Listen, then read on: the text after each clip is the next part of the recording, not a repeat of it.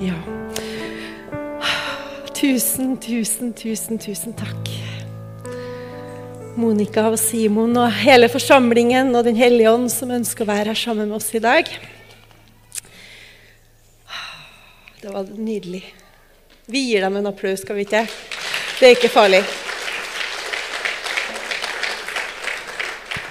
Kjære, gode Gud, takk for at du ønsker å være midt iblant oss, og du har sagt i ordet ditt, Jesus, at når vi er samla i ditt navn, så vil du være midt iblant oss. Og Vi trenger ikke å være mer enn en to-tre stykker for at du velger å være midt iblant oss. Så jeg ber deg, Herre, om at alle vi som er her i dag, kjenner at du ser oss hver og en og er her sammen med oss. Vi ber også for alle dem som tilhører kirka vår, men som ikke er her i dag. ber om at du er sammen med dem der de er. At du velsigner hver og en. I Jesu navn. Amen. Hei, hei. Kan ikke du si hei til den du sitter ved siden av og si f.eks. sånn 'Å, så fin var på håret eller på skjegget du var i dag'?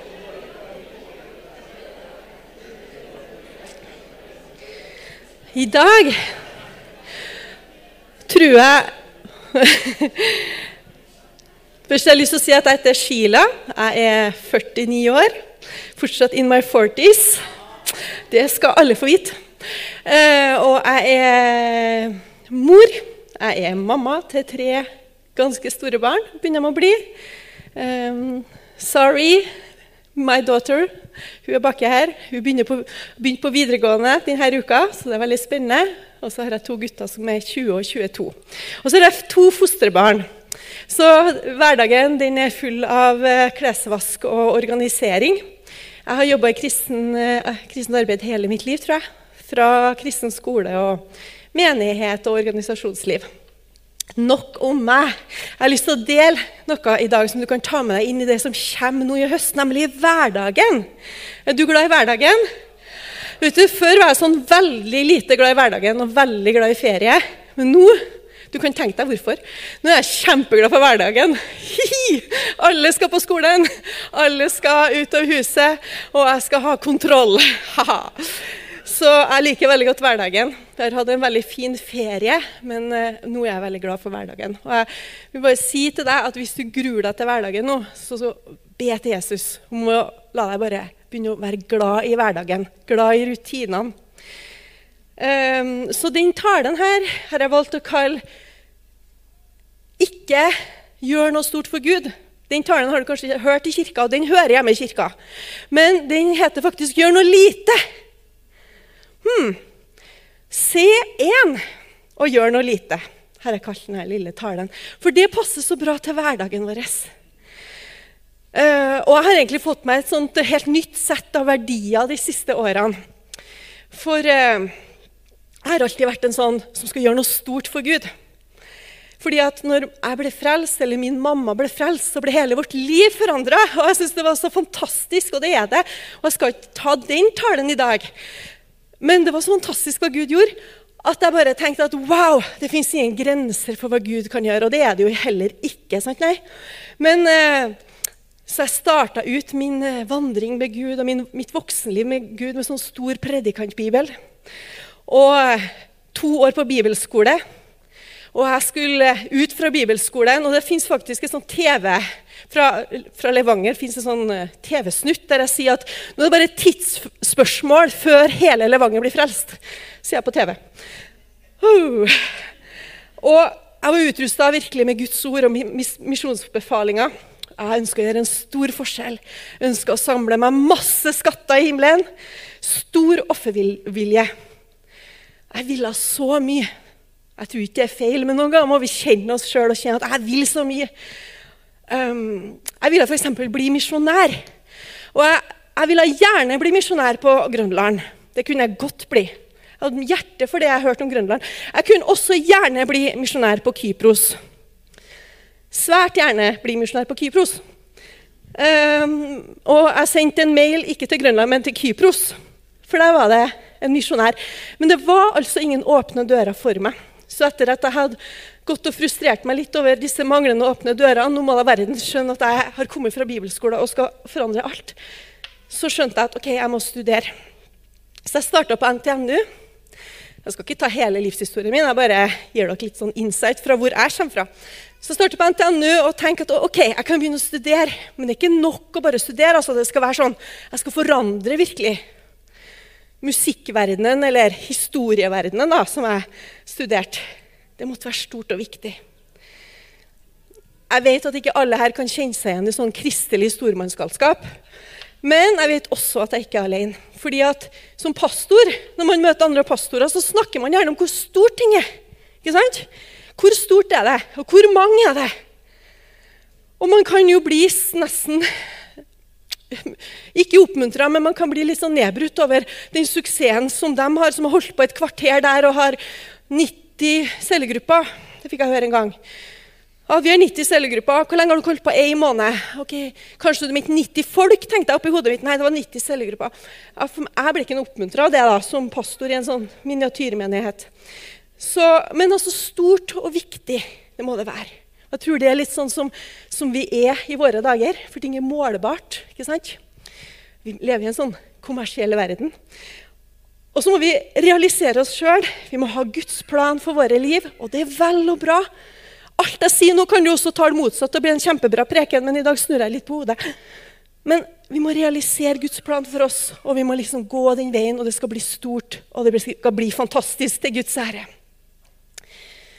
Og Jeg tror ikke det er noen sånn dårlig agenda, jeg hadde, for jeg ville bare at ting skulle ha en mening.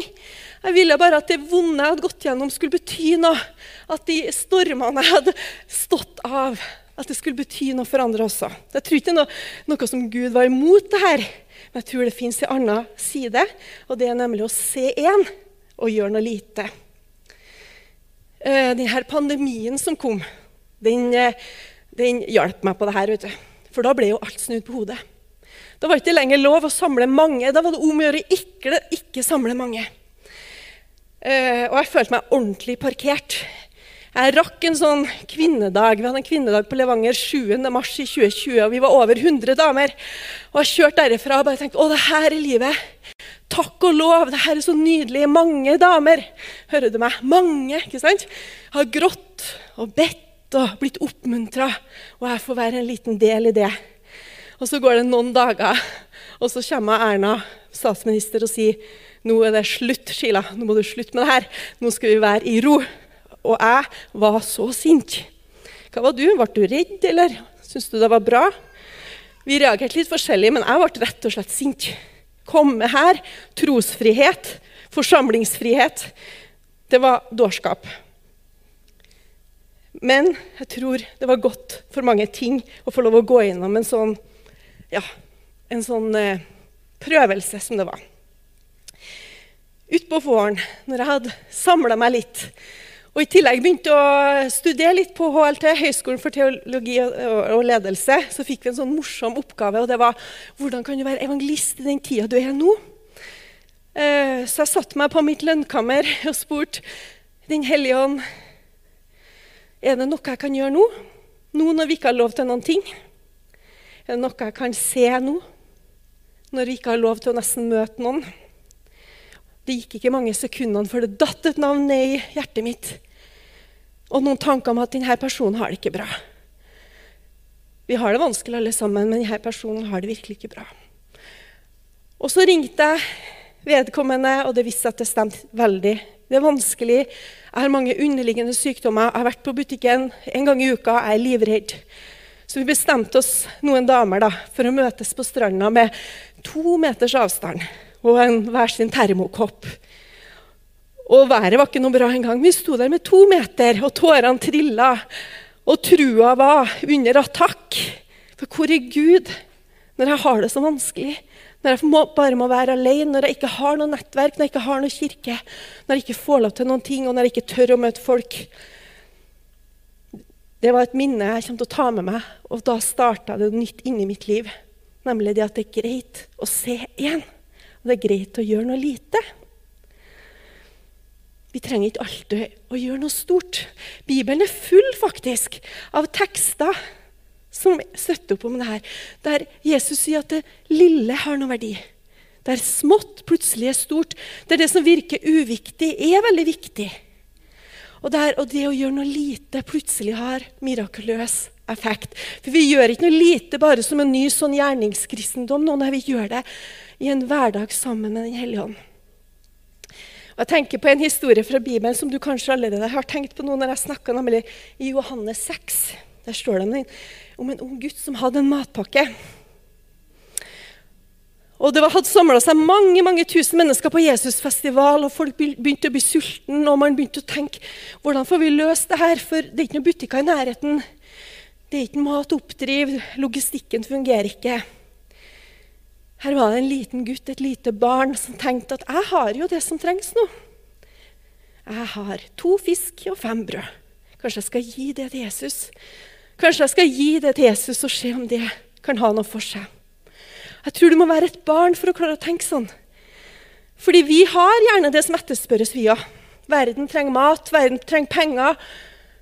Det er for lite. Og så tenker vi ja, men jeg har ikke nok. Jeg kan ikke redde alle. Jeg kan ikke gi til alle. Nei, det er derfor bare vær. Det står i Bibelen de fattige har dere alltid blant oss. og derfor bare vær. Sånn tenkte ikke den gutten. Han tenkte kanskje Jesus kan bruke matpakka mi. Og han ga matpakka si til Jesus, og det står i Johannes 6, og du kan hjem og lese det hvis ikke du tror, tror meg, så står det at det ble tolv kurver til overs av mat når Jesus hadde velsigna maten. Jesus kan gjøre noe lite til å bli stort, til å bli nok, til å bli akkurat det man trenger.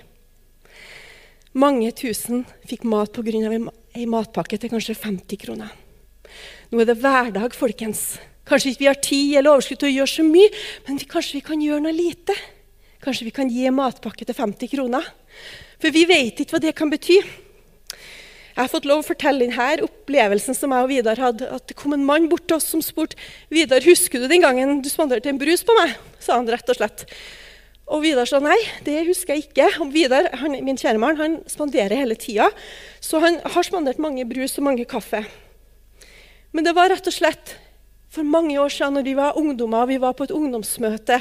Og jeg tror denne unge gutten som han var da, sikkert sto der i det her ungdomsmøtet og kjente på den manglende tilhørigheten som man gjør når man er ung og ny og ikke vet om man egentlig skal begynne å gå på disse ungdomsmøtene. Og, og han hadde sagt stille til seg sjøl, kjære Gud, hvis du ser meg Hvis du ser meg, kjære Gud, kan du gi meg et lite tegn? Og i det han hadde bedt den bønnen, så snudde Vidar seg før han sto foran i bruska og så sa han, vil du ha en brus.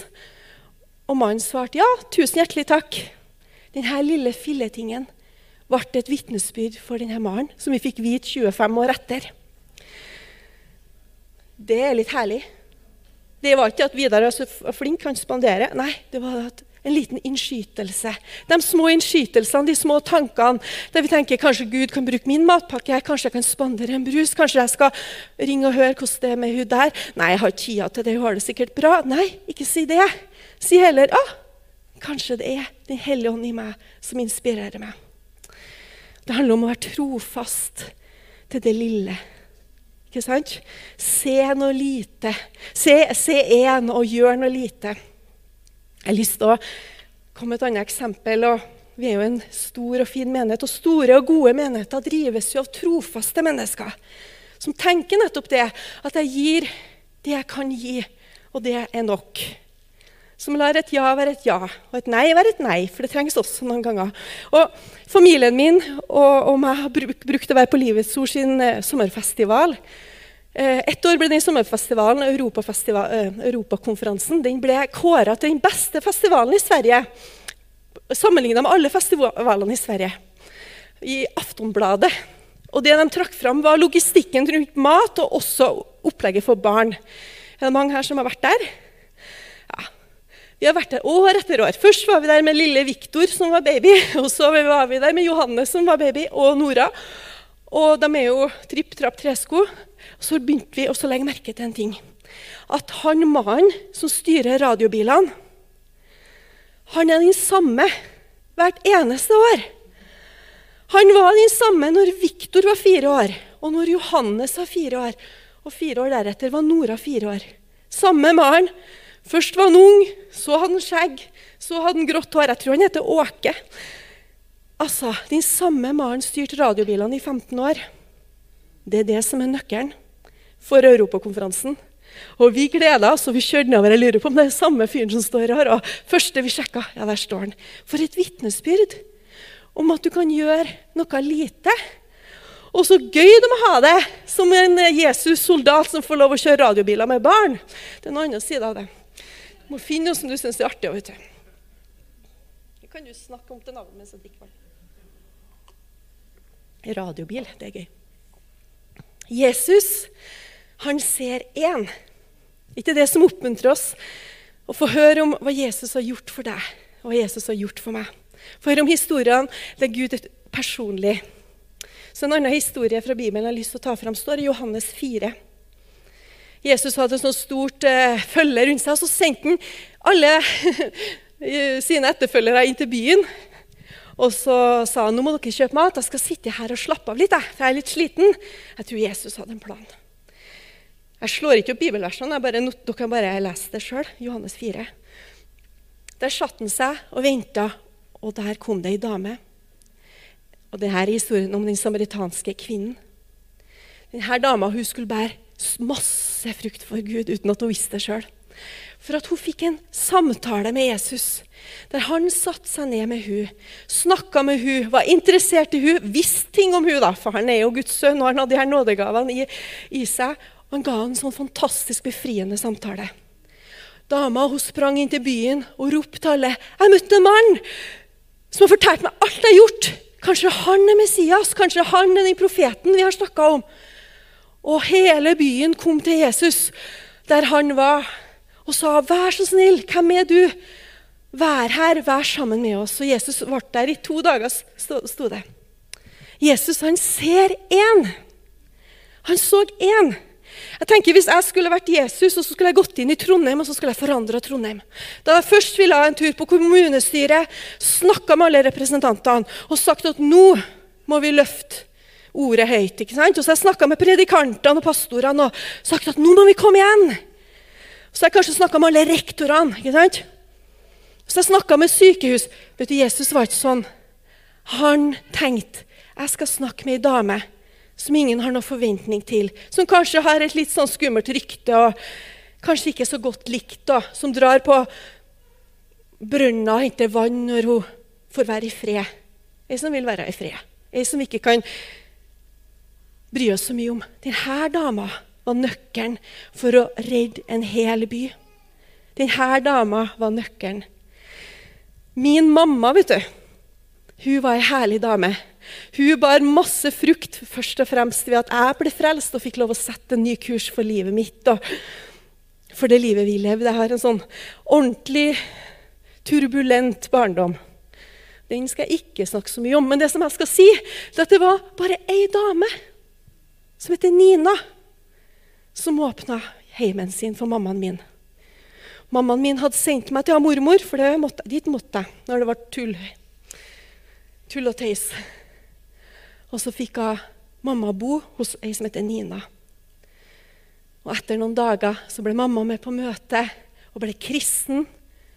Begynte å gå et, en ny vei. La ifra seg tobakken, la ifra seg alkoholen.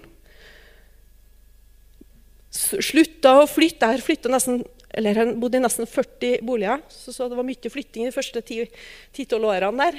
Rømt fra barnevernet gjorde vi òg. Alt det greiene der ramla sakte, men sikkert av. Hun fikk leve i ti år til, og på de årene så tok hun seg utdanning, ble lektor i norsk. Tenkte jeg for et løft fra å være hippie og musiker og en som flytter annenhver dag. Fikk jobb på en videregående skole. Og jeg fikk lov til å bli et menneske som har et trygt og godt liv, og som har gått en helt annen vei. Dette er fordi at det var en ung student som tenkte at ja, klart du kan bo hos oss noen uker. Vi har da et ekstra rom. Klart du kan få lov å være i dette miljøet som har lovsang over høyttalerne og åpne bibler med, med sånn tusjestreker inni. Og Så kom jeg på besøk og fikk ligge under ei sånn trapp og høre på lovsangen og bare tok imot og ble fylt av Den hellige ånd som tiåring under trappa der. Fordi det bare var en sånn atmosfære. Hun sa ikke ja til 'nå kan du komme og bo her resten av ditt liv'. Nei, du kan bo her i, klart du kan bo her i 14 dager. Vi har da gjesterom. sånne mennesker som tenker ja, det er ikke så farlig. Kom inn. Jesus ser igjen. Jesus åpner opp. Han tar imot én. Og det kan vi òg. Jeg og du kan det. Det er ikke sikkert alle har et gjesterom, men kanskje er det mange som har det. Det er ikke sikkert du har en ekstra stol rundt bordet, men kanskje du kan kjøpe deg en sånn til 69 kroner på Ikea som gjør at du har plass til én til rundt middagsbordet ditt en gang iblant. Det er ikke så mye som skal til. Vi trenger ikke å få så Messias-syndrom og tenke at vi skal frelse alle. Nei, se én. Gjør noe lite. La Den hellige ånd vise deg en. Jesus besøkte en. Han besøkte upopulære Sakkeus, som det står om i Bibelen. Og Sakkeus ble en forandra mann. Jesus så en mann som satt under et tre. Han heter for Natanael. Nathanael han var en sunn skeptiker, men når han kjente at Gud ser meg, da var han med for resten av livet sitt. Jesus så pensjonisten som ga bitte litt penger. Jesus skrøt av at det hun har gitt, det er mer enn alle andre har gitt. Det som var lite, ble stort. Så hva er lite, da? Hva er det å gjøre noe lite, og hva er det å se en? I Romerne 12, vers 3, så står det et, et viktig nøkkelord. Der står det ved den nåde jeg har fått, sier jeg til hver enkelt. Ikke til hele massen, men jeg sier til hver enkelt. Tenk ikke for store tanker om deg sjøl. Men tenk sindig. Ja, men det er ikke bra å tenke store tanker, da? Jo da. Tenk store tanker om Gud. Det fins jo ikke noen grense for hva han kan gjøre. Og selvfølgelig, kanskje får vi oppleve at han bruker oss til mye større ting enn vi noen gang har forestilt oss. Men teksten her sier 'tenk sindig'. Hver og en skal holde seg til det mål av tro en har fått. Det betyr at jeg og du har fått en nøkkel til mirakler og til vandring med Gud og til et gudsliv. Og det er vår tro. Den trua vi har. Det målet av tro vi har. Jeg tenker det Noen ganger når jeg ber for syke, så tenker jeg hva har jeg tro for å be om akkurat nå? Ikke sant? Noen ganger har jeg tro for å be om fullt, full gjennombrudd. Noen ganger er ikke der enda, så da ber jeg, kjære Gud, ber om fred. Ber om at legen får det til. Ikke sant? Vår økonomi, våre jobber, våre sosiale liv skolen. Hva har jeg tro for å be om? Hva er det jeg og Den hellige ånd i meg kan være enige om, så at det blir sant?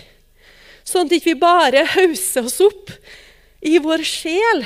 Det står at livet kommer fra vårt hjerte. Og Det er ikke det samme som vår sjel. Det kan jeg love deg. Min sjel den skulle du blitt kjent med. Det er ups and downs. Det er tårer, det er latter, Mindre og mindre sånn ustabilitet, kanskje, da, men heldigvis. takk og lov, må jo si det herifra.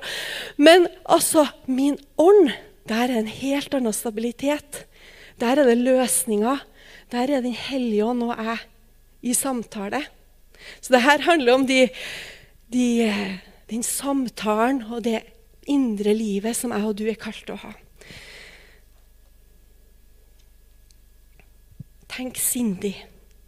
Jeg tror jeg stopper der. Jeg tror vi skal be litt sammen. For denne stunda som jeg hadde i april i 2020, den forandra noe for meg.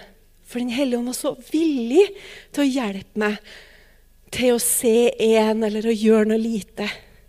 Så kan vi ta en liten stund nå, for jeg tror du har fått tatt poenget. Kan vi ta en liten sånn stillestund der vi sitter, der du spør Gud, hvis du tør Kjære Gud, hvem kan jeg se som du ser? La meg bare avslutte med de her ordene, for, for dem må jeg bare ha med. For det står nemlig i Matteus 25 fra vers 40. Der står det at kongen, Jesus, skal si det dere gjorde mot en av mine minste, det gjorde dere mot meg. Det dere gjorde mot en av disse mine minste søsken, har dere gjort mot meg. Og førri der så står det om hva vi gjorde, da vi ikke skjønte at det var Jesus vi gjorde det til, men vi, vi ga faktisk mat til noen. Og så var det Jesus vi ga mat til. Og så kledde vi noen, og så sier Jesus det var meg du kledde. Og så besøkte vi noen. Og så sier Jesus i denne teksten at det var meg du besøkte. Så det er jo veldig konkret og det er jo veldig praktisk. Nei, jeg skal besøke denne personen som ingen syns er noe artig å besøke. Vet du hvem du besøker da? Besøker du kanskje faktisk Jesus? Jeg tenkte på den gang når jeg banka på døra til ei venninne som, som kjempa sitt livs kamp mot sykdom. Og så tenkte jeg nå banker Jesus på døra, og bakom døra står Jesus og tar imot. For det er jo faktisk sånn. Jeg kom drevet av Den hellige hånd. Hun sitter der, har Jesus i seg. Det er et fantastisk liv å være en Jesus-etterfølger. Så jeg tror at vi bare nå skal ha en sånn liten stillestund der vi spør Den hellige ånd, kan du vise meg noen? Kan du vise meg noe? Kan du fortelle meg noe som gjelder denne høsten? Skal vi gjøre det? Tusen takk for at dere har hørt så åpent. Takke deg, kjære himmelske Far. Vi kan ha en sånn liten, stille stund sammen med deg. Vi ber deg, Herre, om at du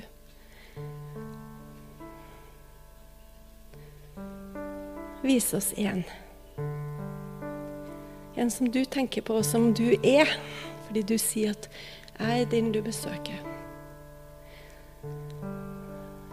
En som vi skal få rydde plass til og se om og kanskje ringe til og kanskje invitere inn. Fra vårt hjerte og fra den åpenbaringa du gir oss. Halleluja. Tusen takk. Jeg tror vi skal reise oss sammen. Så jeg har lyst til å si at dere.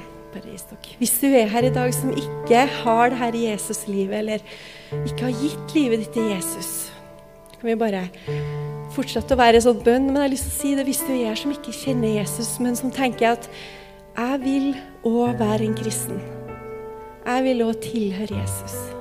Jeg òg kjenner kallet, at Jesus kaller på meg og sier navnet mitt. Så er det veldig enkelt å ta imot Jesus. Det er veldig enkelt. Det er rett og slett å si til Jesus nå på en stille måte Kjære Jesus, her er jeg. Jeg tar imot deg i livet mitt. Jeg vil følge deg. Jeg vil begynne å være sammen med deg. Du, Jesus, du som har tilgitt min synd. Du som har tatt på deg alle mine synder, og som ser alt jeg er.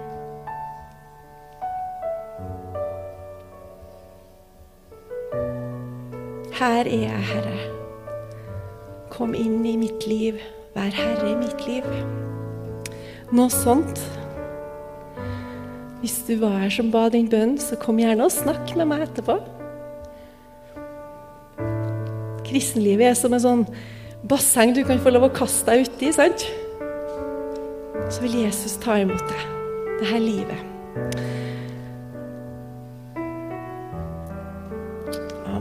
Hei, og takk for at du har sett på eh, en tale fra Betel Trondheim. Nå kanskje du sitter igjen med spørsmål og et behov for å snakke med noen. Da er du hjertelig velkommen til å ta kontakt med oss. Du er også hjertelig velkommen til å komme og ta del av gudstjenestene vår, eller det som skjer i ungdomsarbeidet eh, i kirka vår. Jeg tenkte at jeg hadde lyst til å avslutte med å lyse Herrens velsignelse, så vær så god, ta imot. Herren velsigne det og bevare det. Herren la sitt ansikt lyse over det og være det nådig. Herren løfte sitt åsyn på det og gi det fred.